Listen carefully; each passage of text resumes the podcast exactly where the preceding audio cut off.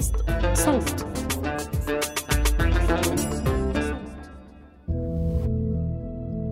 كلمة قوامون ليس لها صلة بالسلطة من قريب أو من بعيد وإنما الإشكالية بتبتدي لما هم يفرقوا ما بين الجنسين مش في العبادات ولكن في المعاملات. النص القرآني يتعامل مع المرأة كإنسانة عاقلة وبالغة ومسؤولة وليست في حاجة لمن ينوب عنها في كل صغيرة وكبيرة. طبعا فلما يحصل مثلا حالة عنف سواء جسدي أو نفسي الست بقى بيبقى عليها هي الذنب ويقول لك معلش استحملي. ناقصات عقل ودين. واهجروهن في المضاجع واضربوهن. الرجال قوامون على النساء. وغيرها من الآيات الأحاديث الأمثال المجتمعية التي نذكرها يوميا. وننسى أن نذكر. وجعلنا بينكم مودة ورحمة فإمساك بمعروف أو تسريح بإحسان وعاشروهن بالمعروف. أهلا بكم أنا فاطمة وهذا بودكاست مساواة. في هذا البودكاست راح نناقش واقع المرأة في منطقتنا العربية الخطاب الديني والإعلامي ودورهم في الحد من العنف وكذلك القوانين ودورها في حماية المرأة. وتحديدا في حلقتنا لليوم بنركز على الخطاب الديني والتفاسير المنشورة ودورها في خلق محتوى قوانين الأسرة في الدول العربية وكذلك في تشكيل الرأي العام ورفع الوعي المجتمعي تجاه قضايا المرأة.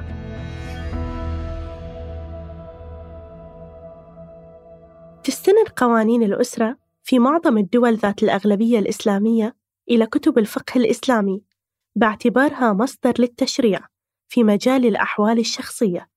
إضافة لذلك، فإن الخطاب الديني السائد له دور كبير اليوم في تشكيل الأفكار المجتمعية وفي رفض ومناهضة العنف ضد المرأة، وكذلك تبرير العنف في أحيان أخرى. ومن أهم التحديات اليوم اللي تواجه النساء هي مراجعة الأعراف المجتمعية والقوانين اللي تبرر العنف وتعديلها بما يتناسب مع رسالة القرآن الأخلاقية ومع وضع شكل المجتمع الحالي والواقع الفعلي. وبين المؤيد والمعارض سألنا أميرة أبو طالب باحثة دكتوراه في الدراسات الإسلامية بكلية الدراسات الدينية بجامعة هلسنكي عن المعنى الفعلي للفقه وإلى أي مدى يتقاطع مع الشريعة والعادات والتقاليد والتاريخ. أهم معالم الفقه أنه هو يمثل اجتهاد العلماء لتحقيق ما يطلبه الله منا وبالتالي يختلف العلماء حسب فهمهم للأمور حسب سياقهم بتختلف الآراء الفقهية.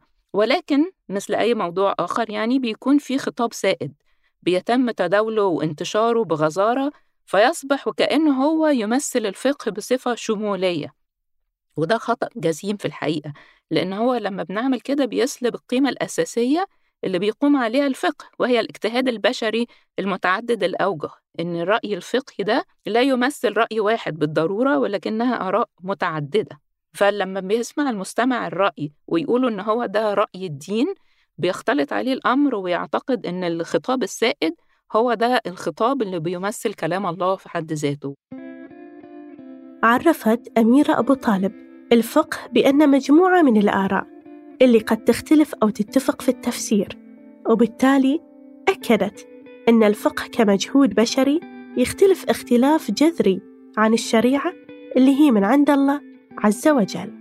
أن هذا الاجتهاد البشري هو فعل واعي هو الفقه فالشريعة شيء رباني وأبدي ولكن فهمنا ليه ما هو أو فهمنا للشريعة أو ما هي الشريعة أو وصولنا للشريعة يختلف حسب الاجتهاد الفقهي وبالتالي يمثل الفقه مجهود بشري قابل آه، للتغيير مش بس قابل للتغيير يتطلب التغيير مع اختلاف العصر ومع تطور ورقي الإنسان فكرياً. في ذات الوقت يوجد الكثير من المفاهيم والأمثال اللي ظهرت من نافذة المجتمع والعادات واندمجت بالفقه وأصبحت واقع يبرر الكثير من الأحكام والأفعال ضد المرأة.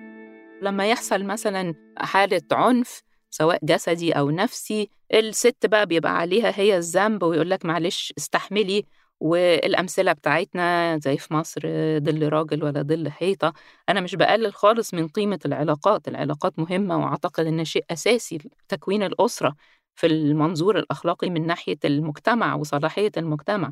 ولكن ده مش معناه أو مش مبرر إن أحد الطرفين يكون معرض للعنف؟ الأفكار المجتمعية أحياناً تؤثر حتى على إمكانية تعديل القوانين بما يحقق المزيد من الإنصاف للمرأة. فقوانين الأسرة على سبيل المثال تم إصدارها في العصر الحديث مع قيام الدولة الحديثة وذلك من قبل لجان حكومية مكونة من القانونيين والعلماء.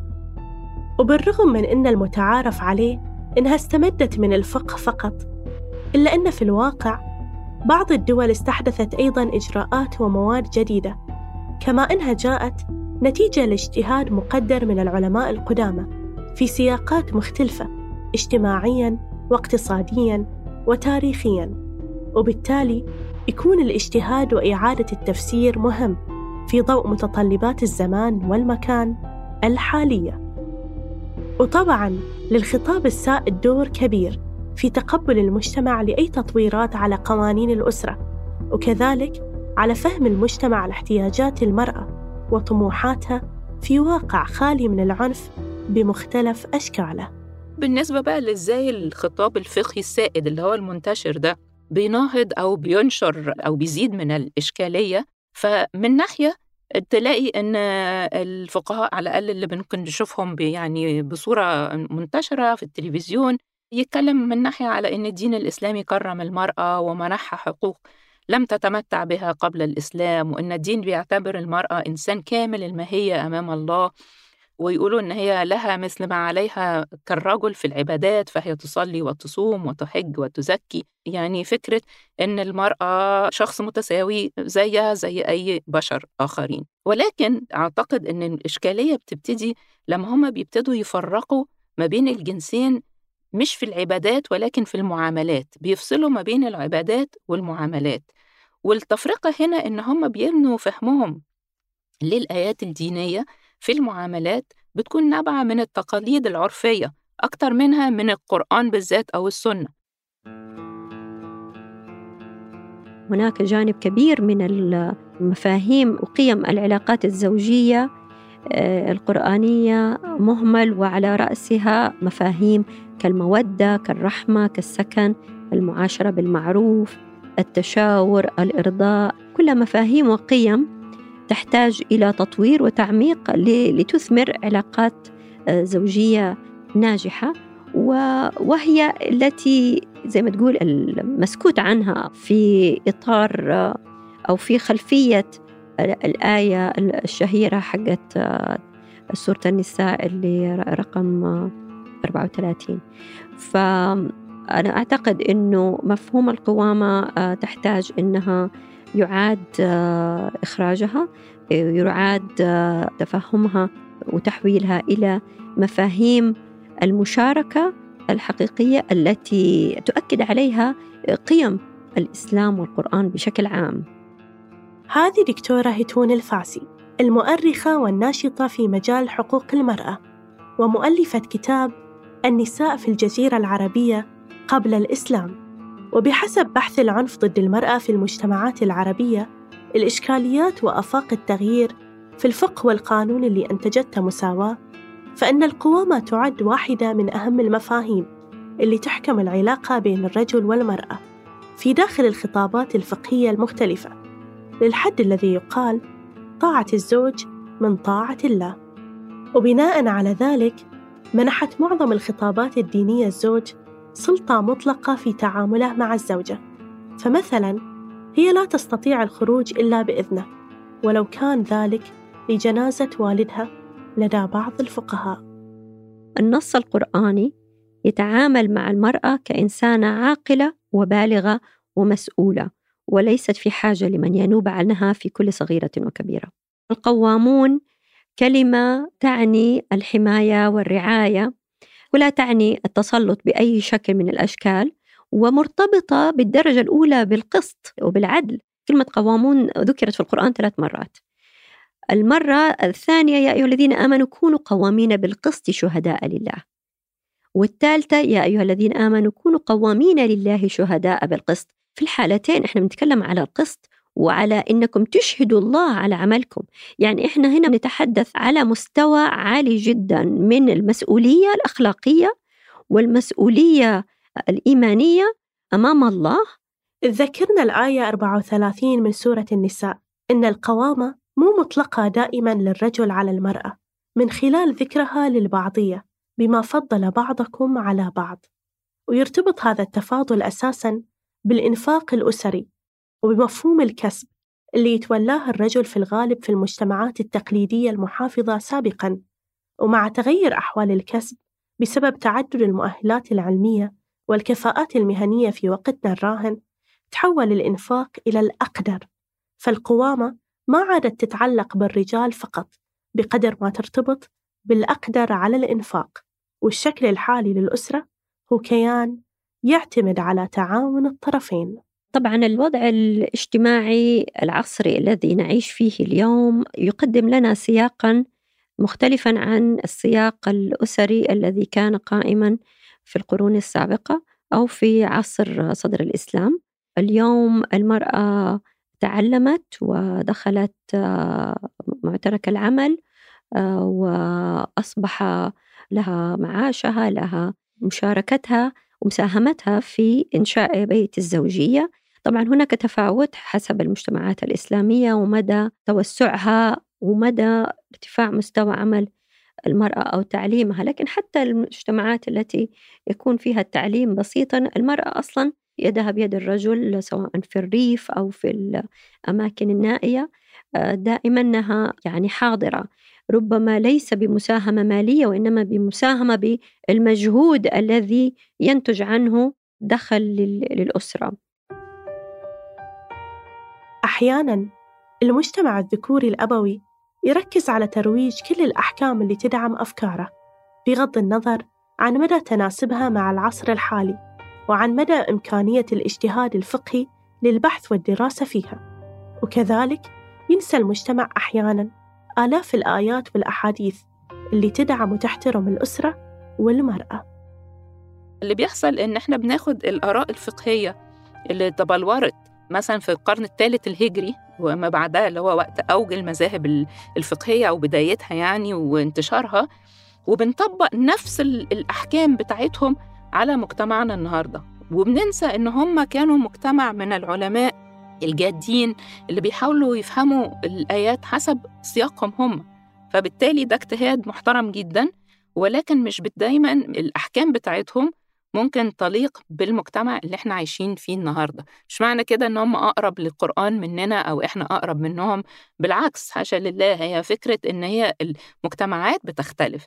فلما يكون دلوقتي إحنا عندنا مفهوم ذكوري بني على آراء من 700 سنة وإن فيها إن قيمة الذكر أعلى من قيمة الأنثى فبالتالي طبعا دي بتشجع إن مفاهيم مغلوطة والتركيز على آيات قرآنية بتبعد كل البعد عن القيمة الأخلاقية اللي هي أساس القرآن. يعني آيات المعروف يمكن حوالي 20 أو 30 إشارة للمعروف التي لا تترجم في أي مكان في الشريعة إلى قوانين. بينما هنا نشوفها تتكرر. عاشروهن بالمعروف. آتوا أجورهن بالمعروف. أمسكوهن بمعروف. سرحوهن بمعروف. أسكنوهن من حيث سكنتم. أنفقوا عليهن. يعني عندك عندك آيات لا حصر لها التي تدعو إلى الإحسان والمعاشرة بالمعروف وتنهى عن كل فعل ذميم يمكن أن يؤذي المرأة سواء لفظيا ولا جسديا ولا إنسانيا ولا بأي شكل من الأشكال. وعلى الرغم من أن الفقه الإسلامي يمتلك اليوم كل الإمكانيات والأدوات اللازمة ليساير القضايا المعاصرة ويصل إلى قراءات تتناسب مع الفهم الأخلاقي للقرآن ومع الزمن الحالي بما يتوافق مع لغة العصر وينخرط في هموم المجتمع الاقتصادية والاجتماعية والفكرية. إلا أن البعض ما زال يصر على وضع الفقه في خانة الشي اللي لا يمكن المساس فيه. حتى لاحظنا أن القيود المفروضة على بعض النساء تجاوزت نطاق الأسرة إلى نطاق الحياة العامة. فلا يجوز للنساء بعد ذلك أن يطلبن المساواة بينهن وبين الرجال وصرنا يطلبن المساواة في كل شيء. حتى قالت أصير أريد أن أصير رئيسة دولة. إيش معنى الرجل يصير رئيس دولة؟ أنا لا أصير لا أكون رئيس الدولة النبي صلى الله عليه وسلم يقول لا يفلح قوم. ولوا أمرهم امرأة ويكفينا من ذلك قول النبي صلى الله عليه وسلم كمل من الرجال كثير ولم يكمل من النساء إلا اثنتان فقط. صوروا. حق الزوج على زوجته في الطاعة مقدم على حق الوالدين. على النساء أن يتقين الله تبارك وتعالى لا يعني يأخذ بأذهانهن قضية. سنعامل معاملة الرجل أنا أصير قاضية أنا أصير وزيرة أنا أصير رسول الدولة. مستأنسة. لا هذا انحراف. القيود التي وقفت حائلا أمام مشاركة المرأة في صنع القرار في مجال القوانين المنظمة لحياتها أولها تبدأ بعملية التجهيل التي كانت تجد المرأة نفسها فيها بمحاربة تعليم المرأة. يعني عبر التاريخ المرأة تعليمها دوما عليه علامات استفهام وما زال مستمرا حتى اليوم كما نرى في أفغانستان على سبيل المثال. المؤسسة السياسية كانت غالبا ما تقف في صف المؤسسة الدينية وهذه المؤسسات هي التي أشاعت أحاديث الضعيفة التي تقلل من قيمة النساء وتنشر الوهم بأن مشاركتهن في السلطات العامة ولا سيما الدينية أمور مخالفة للشريعة. وبين كل الأحباط اللي ممكن نمر فيه. والقصص المؤلمة اللي ممكن نسمعها. دايما نأكد إن بتكاتفنا جميعا ممكن نوجد حلول جذرية تزيد من وعي المجتمع لقيمة الأسرة الحقيقية بمفهومها العصري بالشكل اللي ينعكس على تقليل حالات العنف بكل أشكاله داخل وخارج الأسرة. ولذلك سألنا ضيفاتنا في هذه الحلقة عن الحلول اللي يعتقدون إنها بتكون بوابة لمحاولة صناعة واقع أكثر عدالة ومستند على التعاليم الدينية. أي نعم في واقع أحيانا بيكون مرير بس ده يمكن يكون دافع أكبر إن إحنا نجتهد وإن يبقى فيه أمل. وأعتقد إن إحنا الموضوع مش صعب إن إحنا نرجع للفطرة.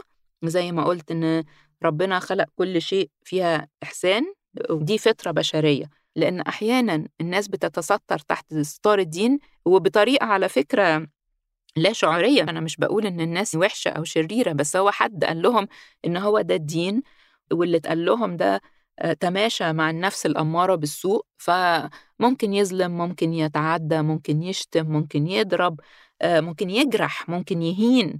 كل ده وممكن يكون شايف إن هو كده ماشي ومفيش أي مشكلة. أنا أعتقد والكلام ده طبعا للسيدات وللرجال. فأعتقد إن إحنا لو رجعنا لفطرتنا البشرية ونحاول نعمل يعني نوع من اليقظة للضمير ونعرف إن رسالة ربنا واحدة عبر كل زمان ومكان وهي رسالة أخلاقية تدعو المؤمن لفعل ونشر كل ما هو فيه خير وجمال. أذكر عبارة قرأتها في إصدار مساواة لتقرير القوامة والولاية في الواقع المعيش. تقول فيها مورتي من أندونيسيا. عاهدت نفسي أن أعلم أبنائي الثلاثة أن يكونوا أفضل ما يمكنهم أن يكونوا أن يحترموا ويقدروا أي شخص دائما بصرف النظر عن نوعه رجل أم امرأة. غرست فيهم قيما ومبادئ تؤكد أن النساء والرجال قد خلقوا متساوين لكل مميزاته ونواقصه حتى يكمل كل منهما الآخر. لا كي يؤذيا بعضهما البعض. وهذا يلفتني فعلا إلى أن حلول القضايا الأسرية أو المتعلقة بالمرأة من الواجب أن تنطلق من طريقة التربية في المنزل اللي غالبا ما تساهم في رسم تفكير البعض. ومن ثم يجب أن يكون هناك دور لمختلف الجهات لا سيما المؤسسات التعليمية. أنا أعتقد أن كل الأطراف التي لها صلة بالشأن العام من مؤسسات رسمية كدولة أو إعلام أو تعليم أو قوانين أو مؤسسات مجتمع مدني أو رجال ونساء دين أو خطباء جمعة كلهم كلهم مسؤولون ومسؤولات ويمكن لهم أن يعدلوا هذه المفاهيم المغلوطة من على المنابر المتاحة لهم. فيمكن حل الخلافات بأشكال سلمية وحوارية. قد يكون اليوم من الواجب على كل فرد منا إنه يتفكر في كل شيء يتم إرساله إليه أو يتم بثه في المجتمع المحيط فيه. ونطمح أن يتم تفعيل الشراكات بين مختلف الجهات سواء مؤسسات المجتمع المدني أو صناع وصانعات القرار أو المتخصصين والمتخصصات في الدين ليساهموا معا في فهم احتياجات وتطلعات المرأة المسلمة. ومن المهم أن يكون للعالمات دور أساسي في فهم التفسيرات الإسلامية وتصحيح المفاهيم المغلوطة والبحث في القضايا المجتمعية الآنية واقتراح الحلول المناسبة لها لتتلائم مع العصر الحالي بما يحقق العدالة الاجتماعية والأسرية. نجد تلك الجهود بالفعل في بعض المجتمعات المسلمة. مثلا نرى في إندونيسيا جهود مؤتمر العلماء والعالمات الإندونيسيات المسمى بكوبي، وهو جهد قائم على جهود مشتركة للعلماء والعالمات بهدف تعزيز دور العالمات والاعتراف بدورهن في تاريخ الإسلام ومساهمتهن في النهوض بالحضارة الإنسانية والقيام على العدالة. فيقوم كوبي بنشر المعرفة وصياغة الفتاوى ووجهات النظر الدينية حول القضايا المعاصرة في منظور الإسلام. وعشان نفهم الواقع الحالي للأسرة واحتياجات المرأة وطموحاتها بشكل أوضح. يجب أن يكون هناك توافر في البيانات والإحصائيات المتعلقة بذلك في كل دولة مما يساهم في رفع جودة الدراسات المتعلقة بقضايا المرأة وتطوير السياسات والحلول المقترحة لهذه القضايا. ولا ننسى أن نجعل الأمل في غد أفضل حاضر في نفوسنا دائما إلى اللقاء. كنت معكم من البحث والكتابة والتقديم. فاطمة من الإنتاج فريق صوت. يمكنكم الاشتراك في قناة مساواة على التطبيقات اللي تعجبكم. لتصلكم التنبيهات بالحلقات الجديدة. بودكاست مساواة من إنتاج صوت. لا يعبر المحتوى بالضرورة عن آراء الشركة المنتجة.